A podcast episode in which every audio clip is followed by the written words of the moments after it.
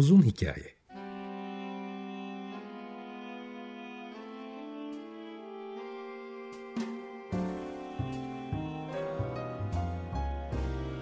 Sinir bilim, psikoloji, felsefe ve müzik.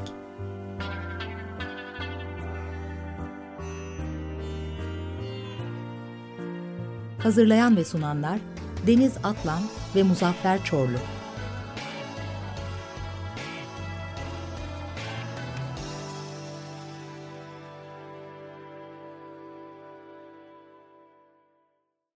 ...95.0 Açık Radyo'dan, Açık Radyo.com.tr ve Onun Uzun Hikayesi'nden herkese günaydın. Bildiğiniz üzere son birkaç haftadır popüler bilim ve alt dalları ile ilgili konuklu ve konuksuz programlar yapıyoruz. Ee, bugün de Muzaffer'le birlikte e, başka noktalara değineceğiz gene popüler bilim şemsiyesi altında. Günaydın Muzaffer. Günaydın, merhaba, herkese selamlar tekrar. Konuklu programlarda tabii ki daha çok bir konu üzerinden, onların uzmanlığı üzerinden ilerliyoruz. Ama biz bugün e, biraz popüler bilimin hem sosyokültürel etkilerine hem siyasi etkilerine hem de belki de aklınıza gelmeyen başka yönlerine dikkat çekmek istiyoruz. Ee, ben direkt şöyle başlayacağım. Aslında popüler bilim sence yüzlerce yıldır süre gelen bir takım hurafeleri toplumun gözünde yıkabilir mi? Mesela hani 13'ün e, uğur getirmediği ya da işte kara kedinin uğur getirmediği gibi, nazar gibi, ayna kırılması gibi, merdiven altından geçmek gibi hani çok daha böyle hani bütün kültürlerde neredeyse e, karşılık bulan şeylerden bahsediyorum. Çünkü hani biz popüler bilim dediğimizde bir tarafta bilim, bir tarafta da bunlar var ve hani e, savunduğumuz şeyler toplum dilinde anlatıldığı takdirde popüler bilimin insanlara daha ulaşılabilir olduğu ve bir şekilde ikna şansını da artabileceği yönünde. Ama bu kadar derin e, hurafeler varken ve safsatalar varken sence etkisi ne olur? Yani önce mesela bu program serisine başlarken motivasyonunu söylemiştim ya hani e, şey yapalım böyle e, birçok insan birçok konuda e, konuşuyor. Uzman olanlar var konuşanlar arasında. Uzmanlık alanı dışında çok meraklıları olan var. Dolayısıyla onları konuşuyor. Fakat motivasyonun kaynağı şey olmuştu. Neden insanlar gerçekten durduk yere hiç ortada fol yok yumurta yokken bir konuya birdenbire ilgi duyabiliyor. Aslında bu belli bir olayla çıkabiliyor. İşte hani hep depremi örnek veririz. 99 depremi olmadan bir gün önce e, rastgele bin kişiyi durduralım. Eğer jeolojiyle ilgileri yoksa, konuyla ilgileri yoksa artçı nedir diye soralım. Kimse bilmezdi. Ben de duymamıştım. Kimse duymamıştı. Ama hayatımızı direkt ilgilendirdiği için 99'dan e, sonra ne oldu? İşte her gün 3-4 saat bu konudaki uzman kişiler bilgilerini bizlerle paylaştıkça biz de hem terminolojiye hakim olduk hem de neler olabileceğini öğrendik. Hatta toplumsal değişime de yol açtı bu. Konuyla ilgili bir farkındalık ortaya çıktı. Artı ne yanlıştır ne doğrudur diye. Ama bu programı yaparken bu ortaya çıkınca insanlar beklemediği bir üne kavuştuktan sonra o ünün getirdiği bazı e, sarhoşlukla e, haddini aşmaları da söz konusu oldu. Bu sefer insanlar bu konuyla ilgilenmek istedi vesaire vesaire. Bunları ilk e, bu serinin ilk programında konuşmuştuk. Popüler bilimi tamlamada popüler var diye popüler algılamamak lazım. Çünkü aslında bilim e, binlerce yıldır zaten popüler. Yani hiçbir fikri yokken mesela insanların ya niye güneş doğuyor ya da e, güneş buradan çıkıyor buradan batıyor ya da güneş batıp çıkıyor mu bizim merkezdeyiz o mu öyle herkesin merakını cezbeder. Bu e, ayakta kalmamızın bir sonucu yani niçin merak ediyoruz? Çünkü merak etmediğimiz zaman başımıza kötü şeyler gelebilir. İşte e, bu programlarda da hep örnekleri verildi. Hatta geçen hafta Cüneyt Özdaş'la konuşurken de bunda, buna değindik. Diyelim ki ormanda yürüyoruz ve bir hışırtı duyduk ama görmüyoruz hiçbir şey. Şimdi bu hışırtı ya nasıl davranırsak ayakta kalırız. Bu hışırtının tehlikeli, bizim için tehlikeli olabilecek bir yaratığın ayak sesi olarak e, algılama eğilimi birazcık paranoid de gelebilir. Yok görmedik çünkü bilmiyoruz ne olduğunu. Fakat onu öyle yorumlamak bizim e, aksini yorumlamaktan daha fazla işimize yarar. Çünkü yok ya bir şey olmaz. Rüzgardır dediğimizde eğer yanılıyorsak öleceğiz. Yırtıcı bir hayvansa eğer o zaman e, yok bu yırtıcı hayvan değil de dersek hayatta kalamayacağız. Hayatta kalanlar o hışırtıya kötü gözle bakan, o hışırtıya daha doğrusu kötümser bakan insanlar hayatta kalıyor. Dolayısıyla herhangi bir bilgi test edilebilsin ya da edilemesin. Herhangi bir değişiklik doğada e, bizim merakımızı hayatta kalmamız için önem atfettiği için çok ciddi bir öneme haiz. O yüzden e, her türlü yeni bilgi, her türlü doğada ne olup bittiği, yaprağın niye düştüğü e, bizim için bir e, hayatta kalma meselesi. O yüzden bu sadece 20 yıllık, 30 yıllık mesele değil. Yani antik Yunan'da da, e, Roma döneminde de, Orta Çağ'da da, aydınlanmada da e, ve özellikle de son yüzyılda zaten her şey e, daha popülerleşme eğilimine girdi. Dolayısıyla bir defa e, merak hayatta kalmayı sağlayan bir dürtü ya da duygu olduğu için e, bir şeylerin popüler olması ya da insanlar tarafından biliniyor olması bir doğal bir motivasyon. O yüzden bunu 20-30 yıla e, sığdıramayız. Fakat internetle, daha doğrusu teknolojiyle, internetten önce de e, televizyonlarla insanlar birdenbire aslında e, merak edeceği alanları genişletmiş oldu.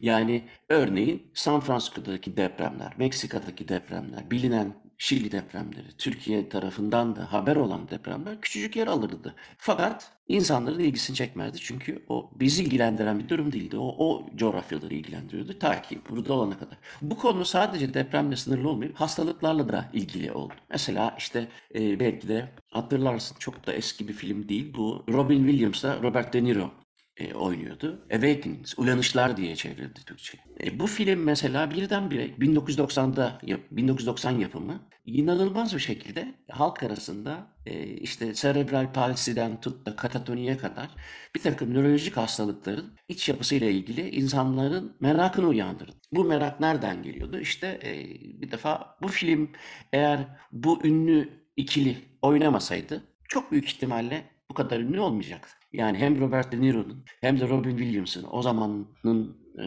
çok çok artık onlar da kariyerlerin tepesindeyken e, birdenbire e, ortalık yarıldı. Ben e, psikolojiyi o zaman yeni bitirmiş birisi olarak epey bir bizim camiada etki uyandırdığını düşünürken meğer herkesin ilgisini çekmişti ve o tür filmler çekilmeye devam etti. O tür programlar yapılmaya devam etti ama o zaman böyle çok Türkiye'de e, çok kanallılık işte tartışma programları olmadığı için e, önemi sonradan tekrar çıktı. Ya da işte mesela Stephen e, Hawkins'in filmi yapılmamış olsaydı herhalde o kadar çok ünlü olmayacaktı. Dolayısıyla Stephen Hawking birden Hawking birdenbire e, ünlü oldu ama e, bu zaten bilim çevresinde bilinirken daha böyle e, geniş kitleye yayıldığı zaman bu sefer o terminolojiler devreye girmeye başladı. Yani kara delik nedir? İşte uzayın e, bükülmesi Einstein'dan beri çok başka şekillerde ifade edilirken daha ne bileyim tabiri doğruysa halka inmeye başladı. Dolayısıyla bunun popüler olmasıyla birlikte yani e, ünlü oyuncularla ya da işte iyi filmlerle, iyi e, romanlarla, iyi resimlerle bir konunun ünlü olmasından sonra o konuya olan merakın artmasıyla beraber her ne kadar yalan yanlış bir sürü bilgi de çıksa e, bunları düzelten bilim insanları, e, bunları başka türlü ele alıp e, ortaya koyan e, kişiler sayesinde aslında bazı hurafelerin de yıkılmasına yol açtı. Yani şimdi e, tarihine baktığınız zaman dünyanın hemen yani baktığımız zaman ne görüyoruz? İşte e, dünya yuvarlak mı dönüyor mu bilmem ne ne kadar yakın bir şey yani. Şunun şurasında 17. yüzyıldan önce bilinmiyor yani dünya dönüyor mu yuvarlak mı düz mü şekli nasıl merkezde miyiz değil miyiz? İşte Aristo demiş ki evrenin merkezinde dünya var. Okey. E, kilise de bunu kabul etmiş. Güzel tamam bunu bozmayalım bu iyi bizim için demiş. Ama bu hurafeyi yıkması için ünlü birisinin ya da işte toplum etkileyebilen birisinin bu konularda bir şeyler söylemesi gerekiyor. O yüzden de işte e, maalesef Giordano Bruno'nun başına e, gelmedik kalmıyor. 1550'lerde doğmuş birisinden bahsediyoruz. Bu aslında bir filozof, şair, kozmosla da ilgilenen birisi. Uzaktaki yıldızların da güneş olduğu ve o güneşlerin de etrafında tıpkı bizim geze, güneş sisteminde olduğu gibi bir takım gezegenlerin döndüğünü söylüyor. Diği için e, bayağı uyandırmış oldu. E, şimdi hangi hurafeyi yıkıyor bu? Sen baktığın zaman İncil'de e, hiç böyle bir şey yap, yazmıyor yani. Diyor ki işte dünya evrenin merkezinde. E, tamam koskoca İncil mi bilecek? Bu düdük makarnası Giordano Bruno mu bilecek? Ama popüler olduğu için Bruno o söylerse tehlike yaratacağı için adamı 1600 yılında yaktılar yani. Dolayısıyla o hurafeyi o kadar ciddi sarsmış olmalı ki Hani birisi saçmaladı diye genelde yakılmıyor. e, tarihe ben baktım en yani yakılan, öldürülen, asılan özellikle e, Engizisyon tarafından ya da işte politik sebeplerle e, çoğu hep nedense doğru söyleyen, hurafeleri yakan insan, yıkan insanlar oluyor ve bunların önlemi de e, çok keskin kılıçla alınıyor. Yani işte Giordano Bruno'yu e, 1600 yılında Roma'da e, bir yakı verdiler yani. Niye? E, çünkü bu hurafeyi bozabilir. Peki niye Bruno bozabilir? Çünkü biraz daha popüler birisi. Yani e, bu konuyu popülerize edebilirse eğer o zaman yandı gülüm keten elba. Ama sonradan ortaya çıkıyor. Şimdi bu e, Campo de Fiori yani çiçekler alanı Piazza, Piazza di Nuovo olması lazım Roma'da görmüştüm. Şimdi orada e, yakıldığı yerde bu Giordano Bruno'nun heykeli var. Yani tarihte o kadar böyle insanın nasıl da zırvalayabileceğini gösteren şeyler de dolu ki, örnekler dolu ki adamı sa- saçmalıyor diyor, yakıyorsun. Sonra söylediği e, aslında doğru e, diye bir de üzerine heykelini dikiyorsun daha sonra. Bunun gibi çok örnek var. Dolayısıyla hurafeleri yıkma konusunda bilimin popüler olmasında hiçbir e, sakınca yok. Yeter ki işte biz bu programlarla e, zararlı olabilecek taraflarını anlatmaya çalışıyoruz ki bu bilimin popüler olması değil. Bununla ilgili e-mail aldığım için bunun konunun altını çiziyorum. E, bilimin popüler olması ya da pop, bilim insanlarının popüler olması beni niye rahatsız ediyor diye soran var. Beni niye rahatsız etsin? Ben çok severim bilim insanlarını. Böyle bilim metodolojisine uyum sağlayarak yaptıysa e, benim alanım da zaten bir tarafıyla bilim olduğu için beni rahatsız etmez ama e, rahatsız eden tarafı bir popüler konunun etrafında kadar bulunduğu için popüler olmasından da ötürü o popülerliğini kötüye kullanan yani bunu ününün e, yani marifetini değil de hani bu ünden nemalanmaya çalışan insanların kendi alanını ilgilendirmeyen çok da fazla bilmediği konularda e, atıp tutması o beni rahatsız eder. Ayrıca bir şey daha rahatsız ediyor. O da bu kadar çok popüler alan varken insanların daha çok işte gene aslında magazinsel tarafıyla konunun üzerine gitmesi. Yani mesela e, işte Oppenheimer diyelim ki kim bilirdi ki Oppenheimer'ı yani çok az kişi bilirdi. Eğer o film çevrilmeseydi geçen sene. E, Christopher Nolan'ın filmi. Müthiş bir film yapılıyor. Herkes Aa, evet bu işte bu Manhattan projesinde yer alan bilim insanı işte sonuçta kendi de büyük pişmanlıklar içerisinde sonuçta yapılan bir atom bombası. Bu projenin sonunda da e, Japonya'nın iki şehrinde katliam yapılmış oldu. E, fakat bu konunun popülerliği bilimi bir atom bombası da yaratabilir. Yani atomu parçalamaktan kastımız da bu hangi derdi derman olacak sorusuna da cevap verebilir.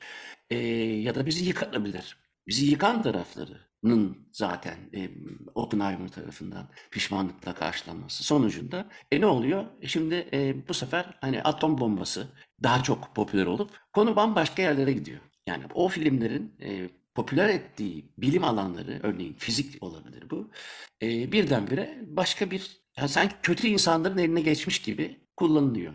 E, burada tabii iyi oyuncular çok önemli. İşte ben şeyi de hatırlıyorum. Kinsey'nin 2004 yapımı, e, benim çok sevdiğim e, Liam Neeson'ın oynadığı filmde de e, aslında işte e, meşhur bir kitap var 48'de yazılmış.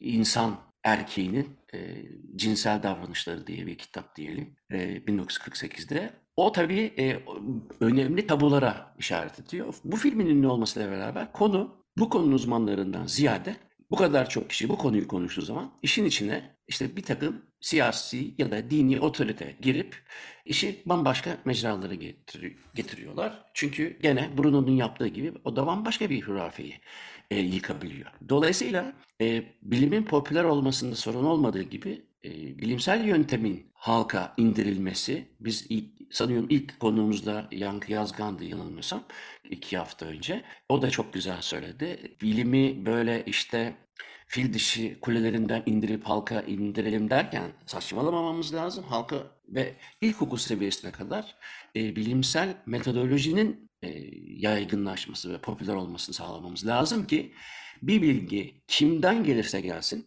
e, bizi ilgilendirmemeli. O bilginin hangi verilerle test edilip tekrarlanıp tekrarlanmayacağı bizi ilgilendirmeli ki bilim bizim için yararlı olsun.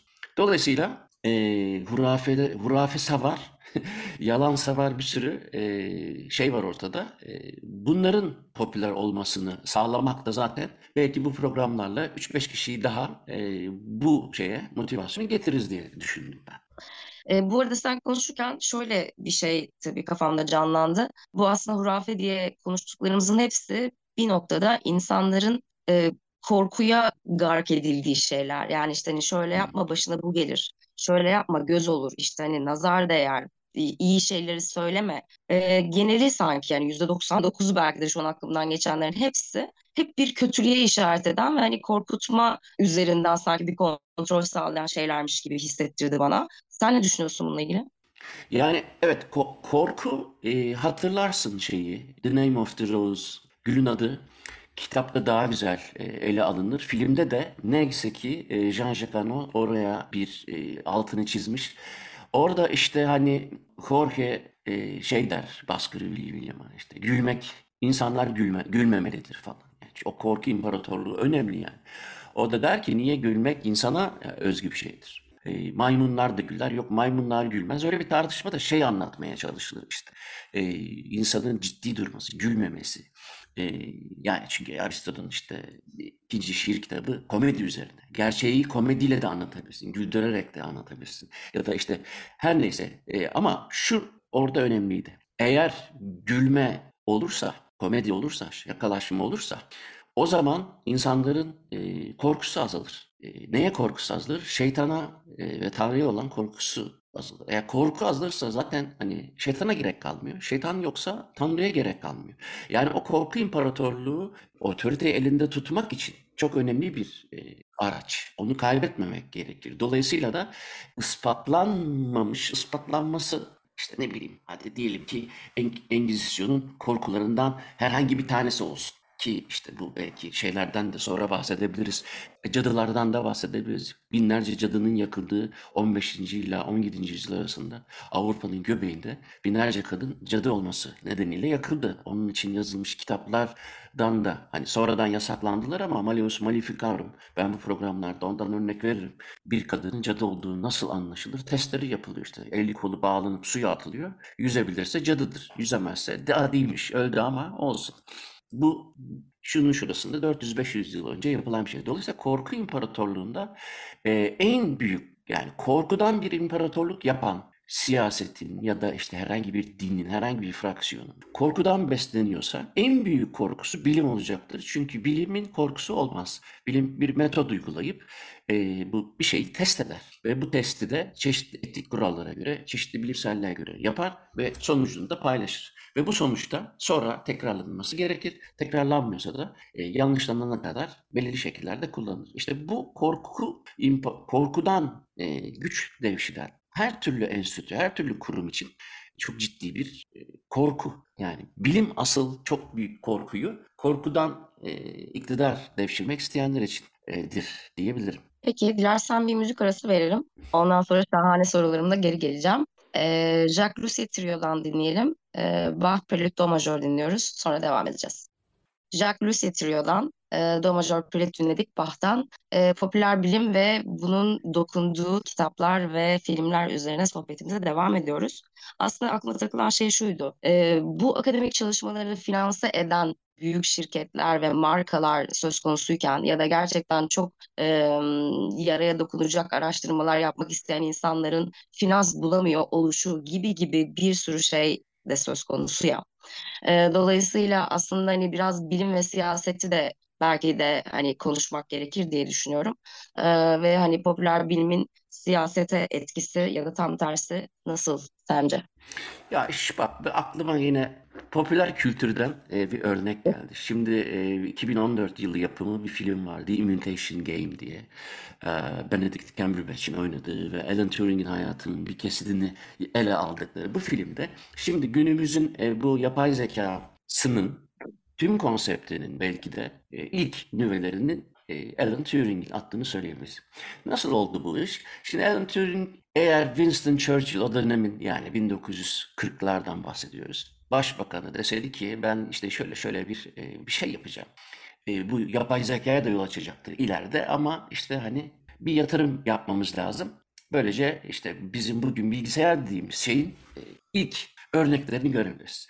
Ya Winston Churchill'a ulaşamazdı bile. Fakat Alan Turing'in ortaya koyduğu şey e, Hitler Almanya'sının özellikle Luftwaffe'sinin e, yani Alman Hava Kuvvetleri'nin e, işte İngiltere'yi bombalamalarının vesairesini düşünürsek o askerler arasında yani headquarter'la Nazilerin e, yönetimiyle askerler arasındaki e, iletişimi sağlayan e, bir şifre var. Enigma adlı e, ve bunu dinleseler dahi çözemiyorlar. Yani nasıl bir emir gidiyor? Londra'yı bombala mı diyor? Lon- Londra'nın kenarını mı bombala diyor? Manchester'ın etrafından dönüp Liverpool'a mı vur diyor? Bilmiyorsun. Fakat işte bu yaptığı çok kabaca anlatıyorum. Alan Turing e, bu kodu çözebileceğini bilmese Winston Churchill oraya bir e, yatırım yapmaz yani. E, sonunda evet e, Alman Nazi Almanyası'nın e, arasındaki şifreli anlaşma diye bilinen enigmasını çözüyor Alan Turing. Ama e, bu film tabii müthiş ilgi uyandırmıştı. Türkiye'de de e, biliyorum. Çünkü hakikaten e, orada da çok büyük ilgi uyandırdığını. Dünyanın her yerinde olduğu gibi. Bu işte e, eğer Alman Nazi Almanyası'nı o ortadan kaldırmak ya da en azından bu işkenceye bir son vermek için yararlı olmasaydı fund edilmezdi. Yani e, bunun hiç de öyle bilime yatırım olsun. İleride e, şunları yaparız. Bu sayede şunlardan yararlanır insanlık. E, dolayısıyla bütün bileşenleriyle doğanın e, yararınadır falan gibi bir niyeti yok. Dolayısıyla siyasetin genelde benim gördüğüm örneklerde e, bilimden yararlanması kendi işine gelecek olan. Çünkü e, şimdi de tabii öbür taraf var. Hitler'in bilim adamları bakın yani eğer çok e, meraklısı varsa ben meraklısı olduğum için söylüyorum. YouTube'a gidin e, ve Hitler ne bileyim işte bilim insanları, Hitler'in bilim insanları, Mengele'den tutun da öyle inanılmaz, öyle inanılmaz şeyler e, ortaya çıkarıyorlar ki özellikle 33'ten itibar, 1933'ten itibaren ivme kazanarak e, bunların hepsini Alman Nazi e, Partisi dünya üzerinde imparatorluk kurmak için kullanmak amacıyla hiçbir etik gütmediği, yöntemiyle hiç ilgilenmediği, kendisine güç kazandıracak. Bütün yatırımları bugün isimlerini anmaktan bile utandığım ama çok ünlü markalar bunlar. Asansöre bindiğiniz zaman asansör üstünde yazan isimleri bir bakın. ya da ünlü şirketleri 1933 ile 43 arasında özellikle o 10 yılda e, nasıl Nazi Almanya'sına hizmet ettiğini bilerek, isteyerek bazıları da mecburen e, göreceğiz. Dolayısıyla e, siyasetin e, özellikle iktidar olmak için birazcık korku imparatorluğu yaymak için e, etik olmayan siyasetin en büyük dayanağı oradan nasıl yararlanacağız? O zaman şey yapıyorlar, e, yatırım yapıyorlar. Aksi takdirde işte Giordano Bruno'nun başına gelenler geliyor. Ya da işte Dar, e, şeyin, Darwin hakeza. E, ama e, Galileo'yu herhalde herkes biliyordur ki yani e, iki tane mercekle ya dünya dönüyor kardeşim yani. Üstelik işte o onun e, Jüpiter'in e, üç tane de uydusu, var, dört tane uydusu var. Galileo uyduları diye e, bilinen şeyleri söylediği zaman ki çok ünlü bir adam bu. Yani onu alıp yakamazsın. Yıl olmuş 1600 küsür ayıp olur yani.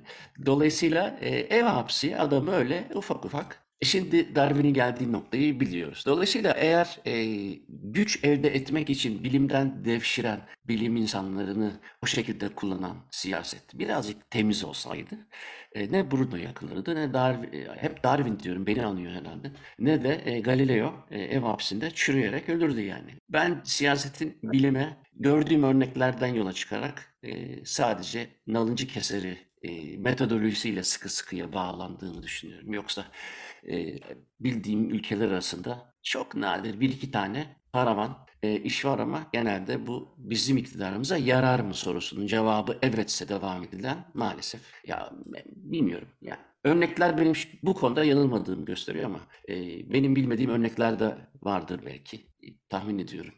Onları atlıyorsam da o ilgili iktidara sahiplerinden özür dilerim. Şunu da ekleyeyim. Bak popüler ile popülist arasındaki farkı gene Yankı Yazgan'la konuşmuştuk güzel bir şekilde. Bu film ünlü olduktan sonra Benedict Cumberbatch sevilen de bir oyuncu olduğu için e, filmin daha da büyük bir kitleye ulaşmasına e, katkıda bulunmuş oldu. Bu film ünlü olduktan sonra e, Enigma şifresi nasıl çözüldü? Bugünkü modern e, yapay zeka konularıyla bu nasıl ilişkilidir? Den ziyade filmde şöyle bir hani aslında e, işin gerçeği e, e, Turing'in eşcinsel olmasından dolayı İngiliz kurallarına göre, İngiliz kanunlarına göre 1950'de e, çok acayip baskılara uğrayıp intihar etti. Şimdi Alan Turing e, ya çok teşekkürler sizin sayenizde Alman e, Nazi Almanyası'nın şifrelerini çözdük. Allah da sizden razı olsun denmedi. Aa bir dakika pardon sen eşcinselmişsin 1950'de e, çok ciddi bir mobbingle e, intihar etmesine e, belki de neden olundu. Dolayısıyla e, popüler olan şey, e, bu filmle beraber popüler olan şey e, burada vay adamın zekasına bak işte nasıl da çözdü şeyi işte demek şudur budurdan ziyade şu da olabilmeliydi. Siyaset denen şey özlük haklarının beden, bedensel bütünlüğünü ya da e, üreteceğin şeylerin ne kadar doğaya artı ya da eksi katacağını değil, işine yarayacağını düşünür. Yani onun bu, filmle beraber o konunun da popüler olması gerekirdi. E orası pek popüler olmadı mesela. E, biz zaten bu arada hani program e, serimizin başından beri e, ne sen ne de konuklardan hani hiç kimseden popüler bilim zararlıdır işte şöyledir böyledir gibi değil. Tam tersine hem biraz önce senin de söylediğin gibi bir şekilde bilimsel dilin e, herkesin anlayabileceği e, uygunlukta aktarılmasının ne kadar önemli olduğunu, böylece işte kaynaklardan ne kadar faydalanabileceği ve bunun illaki öyle ya da böyle e, bir kişiye dokunacağını zaten savunuyoruz. Ve tabii ki burada aslında en çok önemsediğimiz şey de aslında popüler bilimden ziyade bilimsel yöntemlerin, metodolojilerin e, uygulanabilir olması, hayatımıza uygulanabilir olması. Yani belki de hani en basitinden şüphecilikle başlayıp e, sonrasında cevap ararken kaynaklar arasında doğruyu da bulmayı, e, seçmeyi öğrenmek gibi gibi pek çok aslında prosesten bahsedebiliriz diye düşünüyorum. Dolayısıyla tam da bu noktada aslında popüler bilimden ziyade bilimsel yöntemlerin popüler olması sağlanabilir mi sorusu aklıma geliyor.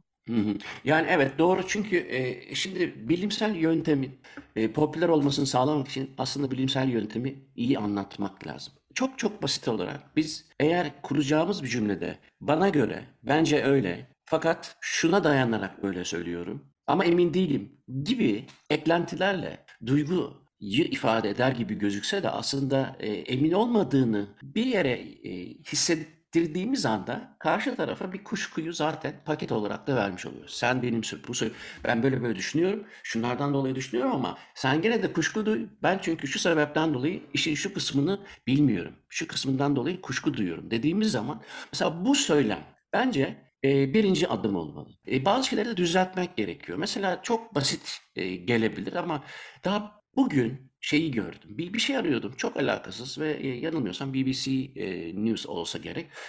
Orada şeyi gördüm. İşte e, BioNTech aşısını, e, COVID-19 aşısını bulan U, e, Uğur Şahin ve eşi e, basına konuştu diye. Ya şimdi mesela burada artık kör gözün parmağına alenen bir e, cinsiyet ayrımı yapılarak e, erkek olanının adını söyleyip diğeri de onun hani extension'ı gibi e, ve eşi. Bu e, Pierre Curie, Madame Curie'ye de e, e, yapıldı. E, Pierre Curie öne çıkarılıyordu. Çok daha sonraları Marie Curie olarak hani düzeltildi. Söylenmeye başladı. Hakkı teslim edilmeye başladı. Bunun gibi çok şey var. Fakat bu dilde başlıyor maalesef. Yani ben mesela eskiden bilim adamı diyordum. Çünkü e, bunu bir cinsiyet ayrımı olsun diye tabii söylemiyorum ama ağzımızda birazcık öyle pelesenk etmiş. İş adamı, bilim adamı, din adamı, Değil mi? O adamıyı e, insanı olarak değiştirip e, cinsiyetten bağımsız kılmanın e, kafalarda oluşturabileceği, özellikle genç kafalarda bilimi bir erkekle ya da işte işi bir erkekle asosiye etmekten imtina etmek için e, insanı olarak kullanmakta fayda var. E, ben çünkü bu konuda ciddi bir uyarı aldım. E, iki yıl, üç yıl önce. Hatta bu bayağı bir tartışmıştık yani. Bana böyle bayağı kızmışlardı. Haddimi bildirmişlerdi yani bilim insanı demediğim için. E, ben ona katılmıyorum tabii. Çünkü bilim adamı öğren, öğren, öyle, öğrenmişiz. Fakat düşünüp de bir dakika evet bu yanlış. Bilim insanı dersek daha doğru olur diye karar verdikten sonra bilim insanı diyorum. Öyle öğrenmememe. Yani 40 yıldır bilim adamı deyip sonra bilim insanı deyince insanın dili de sürçüyor. Fakat oradaki niyeti anlıyorum ve haklı buluyorum. E, dolayısıyla bence bilimsel metodoloji gibi yani bu örnekte olduğu gibi bilimsel metodoloji de önce dilden başlar. E, o dili değiştirmemiz gerekir yani. Bence böyle olur. Dil kestirip atamayız hiçbir şey. Hele ki bir bilim insanı konuşuyorsa nasıl anket açıklanırken işte %99 güvenilirlik aralığında şu kadar insanla yaptığımız birebir görüşmeyle yaptığımız vesaire gibi anketin e, böyle etiketini okurlar. O çok doğrudur. Bazıları onu çok boş bulur. Ya kardeşim söyle yüzde X partisi yüzde kaç alacak? Yüzde 42. Hayır onu bu bizi e, basma kalıp bilgileri peşinden kabul etmemiz gerektiğini bir e, tutum olarak bir bilgiyi alıp hemen sindirmemiz gerektiğini öğütlüyor. Halbuki bence dilde e, özellikle öğretmenlerin daha ilkokuldan hatta anne babaların ya da işte kim çocuğu büyütüyorsa onun dilinde determinist bir e, tutumun olması gerektiği. Yani şu şekeri yeme. Niye? Zararlı. Bu yetmiyor. Çocuk için yetmiyor bu. Çünkü şu sebepten dolayı şöyle şöyle olabilir. Çocuğun aklı yat, yatırmaya çalışmak zorundasın yani. Ben söyledim ama karşı taraf anlamadı. Hayır, sen yeterince iyi söylememişsindir. Bana birisi söylemişti yıllar önce. Hiçbir bilgisi olmayan, kör cahil, hiçbir eğitimi olmayan birisine bu teorinin mantığını anlatabiliyorsan sen o konuya vakıfsın demek. Yani bir konuya vakıf olan bir kişi o konudan tamamen bir haber birisine e, bunu anlatabilecek kadar özümsemiş ve sindirmiştir. Eğer dilini de iyi kullanıyorsa onu ikna eder. O yüzden bence dilde başladığını düşünüyorum. Bu senin verdiğin işte hani çocuk örneği aslında gene tam benim söylediğim şeye geliyor. İşte e, o çocuğa o şekerin neden zararlı olduğunu ya da ileride zararlı olabileceğini anlatamadıklarından ötürü e, işte atıyorum dişlerin çürür düşer ya da işte yok Yine periler bak gelir. E, ko- korku korkuyla hani yani hani evet tabağında yemek bırakırsan şöyle olur arkandan ağlar o peşinden koşar işte canavarlar gelir hani e, zaten muhtemelen o açıklayamamakla ilgili bir çaresizlik üzerine e, ve korkutarak yaptıralım o zaman gibi. E, dolayısıyla sen o yaşta zaten maruz kaldığın bu şeyleri kolay kolay değiştiremiyorsun muhtemelen ileriki yıllarda da. Bir müzik arası daha verelim mi? Tamam. Demin şey çaldın ya Jacques Lussier. Bence oradan gidelim. O bir de hani e, şey e, Bach gibi bir konu aslında e, bayağı bir unutuldu. Sağ olsun aradan 150 yıl falan 200 yıl sonra Mendelssohn e, tekrar onun ünlü olmasını sağladı. E, meğer ne cevhermiş bu adam diye. Jacques Lussier de aslında e, Bach'ı popülerize eden bir e, Fransız trio. Çok eleştiri alıyor ama ben çok beğeniyorum. Standart cazın e, Bach'la birlikte e, karması müzikal olarak çok yakıştığını düşünüyorum ben. Ben beğeniyorum. O zaman e, bakın o e, suite'lerinden Jacques Lussier trionun yorumuyla dinleyelim istersen. Jacques Lussier Trio'dan dinledik. Ee, Bach Suite Re Majör'den geldi. Müzikten önce hani korkudan bahsediyordu. Korku dilinin kullanılması e, belki de bilimin önündeki engellerden bir tanesi olarak yorumlayabilir miyiz? Evet. Çünkü aksi takdirde meydan e, şarlatanlara, e, safsatadan güç devşirmek isteyenlere, ün. Günümüzde güç aslında ün. E, yani şu sosyal medyada şu sayıda bir takipçisi olan kişi birdenbire kendini e, sözlü dinlenen, bir şey söylediği zaman e, işte yankı uyandıran, dolayısıyla da önemli olduğunu düşünen bir takım e, maalesef e, şeylerle itiyor insanı. Kendine e, o e, büyük egolarla kendine gereksiz konularda gereksiz güven adletmelerine yol açıyor. Bunun da örneklerini Instagram'da her gün görüyoruz. Ben ne kadar kaçarsam kaçayım görüyorum. Özellikle e, benim alanlarımdan bir tanesi biliyorsun psikoloji ve burada e, çok şarlatan olduğunu görüyorum. E, neden? Çünkü günümüzde ün artık takipçi sayısıyla da e, an, anılabilen bir şey. O ün insanlara e, bilgisi eğer yetersiz değilse oradan gitmeyi sağlıyor. Bu kadar. Bunun da kontrolü yok. Ama bu karanlık devirler nasıl bu Roma yıkıldıktan sonra böyle bir 800 yıl Dark Ages diye geçer karanlık. Bu şu anda da internetin karanlık yılları da söz konusu. Çünkü bir sürü şarlatanla karşı karşıyayız. Ama bunun e, dediğin gibi korkuyla şöyle de bir ilişkisi var. Korku dilinin yerine güven dili ve bilim insanlarının bir cümleyi tartarak e, konuşmak zorunluluğu şöyle de bir önemi var. Çünkü e, toplum topyekün bir bilgiye, bir aydınlanmaya ulaşmıyor. Aydınlanmanın tarihine bakıldığı zaman e, ne büyük savaşların, ne büyük e, çıkar çatışmalarının sonucunda işte 100 yıl geçiyor, küçücük bir bilgi bütün topluma ancak sirayet ediyor falan. O kadar kolay bir şey değil. Hatta ben e, bu 1347'deki vebayı örnek verirken hep şeyi de anlatırım. Düşünün işte yıl 1347 e, o zaman ne bakteri ne bilmem virüs hiçbir şey farkında da değiliz ama insanlar patır patır ölüyor. Şimdi birisini suçlamak lazım. E, tabii en, en s- olağan şüpheliler aslında e, Yahudiler geliyor. Önce işte onları öldürüyorlar falan, cezalandırıyorlar. Ondan sonra e, büyük şehirlerdeki o zamanın büyük şehirleri işte Floransa gibi vesaire, Milano gibi e, o zaman sokak e, ya da işte e, seks işçisi mi deniyor? Onların e, cezalandırılmaları vesaire vesaire e, gidiyor. Ama ortada bir tane eksiklik var. O da yani bu neden oluyor kardeşim? Biz niye patır patır ölüyoruz? E, popüler olması gerekirken mesela e, e, Guy de Gilliac, e, Avignon'daki yanılmıyorsam 6. Clement'in e, doktoru hijyenin bu da engel olabileceğini düşünen bir takım uygulamalar yapıyor. E, ki ondan 200 yıl sonra da yanılmıyorsam aynı şeyi e, bugün kehanetleriyle bilinen Nostradamus da yapıyor. Yani bu, bu işin içinde hijyen önemlidir mesela. Bunlar popüler olmuyor. Kim popüler oluyor?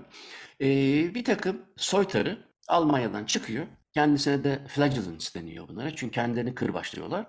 E bunlar diyor ki Tanrı bizi cezalandırmaya çalışıyor. Dolayısıyla biz kendimizi ondan daha çok cezalandırırsak, kendimizi kırbaçlayarak e, bu da gider. Artık hangi istatistikler, asosyasyonlar oluyorsa mesela kırbaçladığı bir yerde bir üç kişi daha az ölüyorsa mesela e, bunlar benim okuduğum kaynaklarda inanılmaz bir şekilde böyle büyük pop starları gibi bir ün yaratıyorlar. Ve bu ün de e, 1450'lere kadar yani demek ki 100 yıl Flagellants'lar bugünkü Metallica gibi falan ya da neyse bugünkü ünlü gruplar öyle büyük bir ün peşinden insanlar koşuyor e, böyle gruplar oluyor falan filan.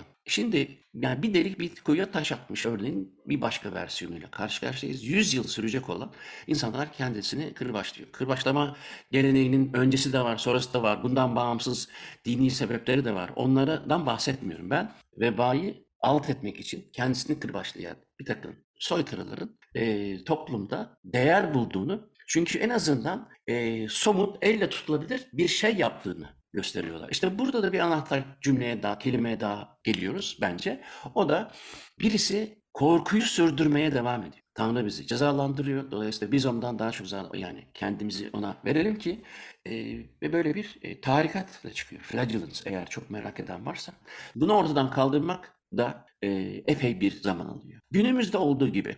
Günümüzde de e, bu şimdi e, bir takım çaylarla kansere iyi gelen, bir takım yağlarla işte bilmem neye iyi gelen Kimi, bazıları da aslında e, çok eskiye dayanan deneme yanılma yoluyla da e, aslında doğruluğu da kanıtlamış. Bazı bilgiler de içerse topluma şu herhalde sirayet edecektir. Eğer bunları bilim insanları o dili değiştirirse o da şu günkü bilgilerle şundan dolayı bundan emin değiliz, bundan kuşku duyuyoruz gibi cümleler kurmaya başlarsa e, biraz daha hızlanır gibi geliyor ama bu işin doğasında yani bilimin haklı çıktığını görmek binlerce yıldır insanın pek işine gelmiyor. Çünkü hem hemen ödemiyor, karşılığı hemen değil.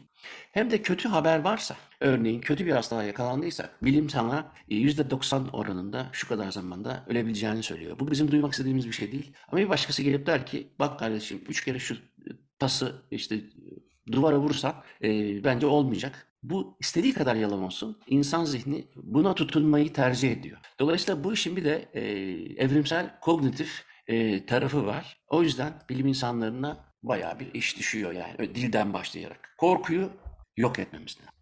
Bu senin söylediğine şöyle bir örnek verip bitirelim mi programı? Aslında tam da şey değil mi? Yani hani koronavirüs zamanında ve bir şekilde pandemide e, inanılmaz derecede antimikrobiyal işte el sıvılarının vesaireleri satılması ne kadar bilim insanı çıkıp da arkadaşlar burada bir virüs söz konusu hani mikropla işimiz yok dese de e, ne kadar çok elimize oramıza buramıza ap, e, arabanın aparatlarına ya da cep telefonları fısfıslarla silersek bir şekilde o sadece bir hani iç huzurdan ileri e, giden bir tarafı yoktu aslında. Evet. E, ama herkes elinde bir şekilde çaresizce bulduğu her spreyle bir yerleri işte. silmeye çalıştığı bir süreçti. Yani Dolayısıyla orada artık tamamen e, bilincin veya algının kapandığı derecede bir korkudan söz ediyoruz çünkü. Yani artık ölüm korkusuyla karşı karşıyasın. Ee, çok da fazla sorgulayamıyor anladığım kadarıyla zaten öyle bir seviyede olunca insan. Teşekkür ediyorum Muzaffer. Bugün de zamanımız doldu. Ee, bugün aslında çok farklı yerlerden, çok farklı örneklerle bence bayağı renkli bir program e, yapmış olduk diye düşünüyorum. Umarım senin içine de sinmiştir. Evet bence e, iyi oldu da e, şunu da duyurmuş olalım kapatırken. E, bu program e, serisi e, için bir takım konuklarla da anlaştık devam edeceğiz. Ama araya hani e, belki bir iki tane başka program da girebilir. Fakat bu e, popüler bilim konusunda özellikle e, hani şu ana kadar konuşmadığımız fizik alanları, işte kimya, e, gene psikiyatri ve tıp onlardan örneklerle e, devam etmek için konuklarımız var. Araya onlar gelecek. E, lütfen yazmaya devam edin. Eleştirmekten de korkmayın. E, hakikaten çünkü e, gene bir e-maili yanlış anlamışım. E, cevap verdim. E, yok ben eleştirmek için söylemedim dedi diye. E, halbuki ondan söylemedin. E, eleştirmek gerçekten güzel. Benim hoşuma gitmese de güzel. Yani onun güzelliğini değiştirmez. Benim bazen hoşuma gitmiyor tabii. Ya ben bu kadar uğraşıyorum. Şimdi bak burada şu kelimeyi yanlış söylemişim. Evet, e, ne yapayım? Yani Türkçemin de iyi olmadığını biliyorum. Dolayısıyla e, bana kızıyor bazı şey e, dinleyiciler. Kız Kızmaya devam edin. Gerçekten siz kızıyorsunuz diye kızmıyorum. Sadece Türkçe iyi bilmediğim için üzüldüm. Bu yaştan sonra da bu kadar oluyor. Ee, ama olsun. Canınız sağ olsun. Benim de canım sağ olsun. Haftaya görüşürüz. Olsun canım sağ olsun. Ee, bize ulaşmak için muzafferçorlu.gmail veya denizatlam.gmail adresine yazabilirsiniz. Açık Radyo bu programın tekrarını Spotify'a koyacak. Önümüzdeki hafta görüşmek üzere. Hepinize günaydın. Günaydın.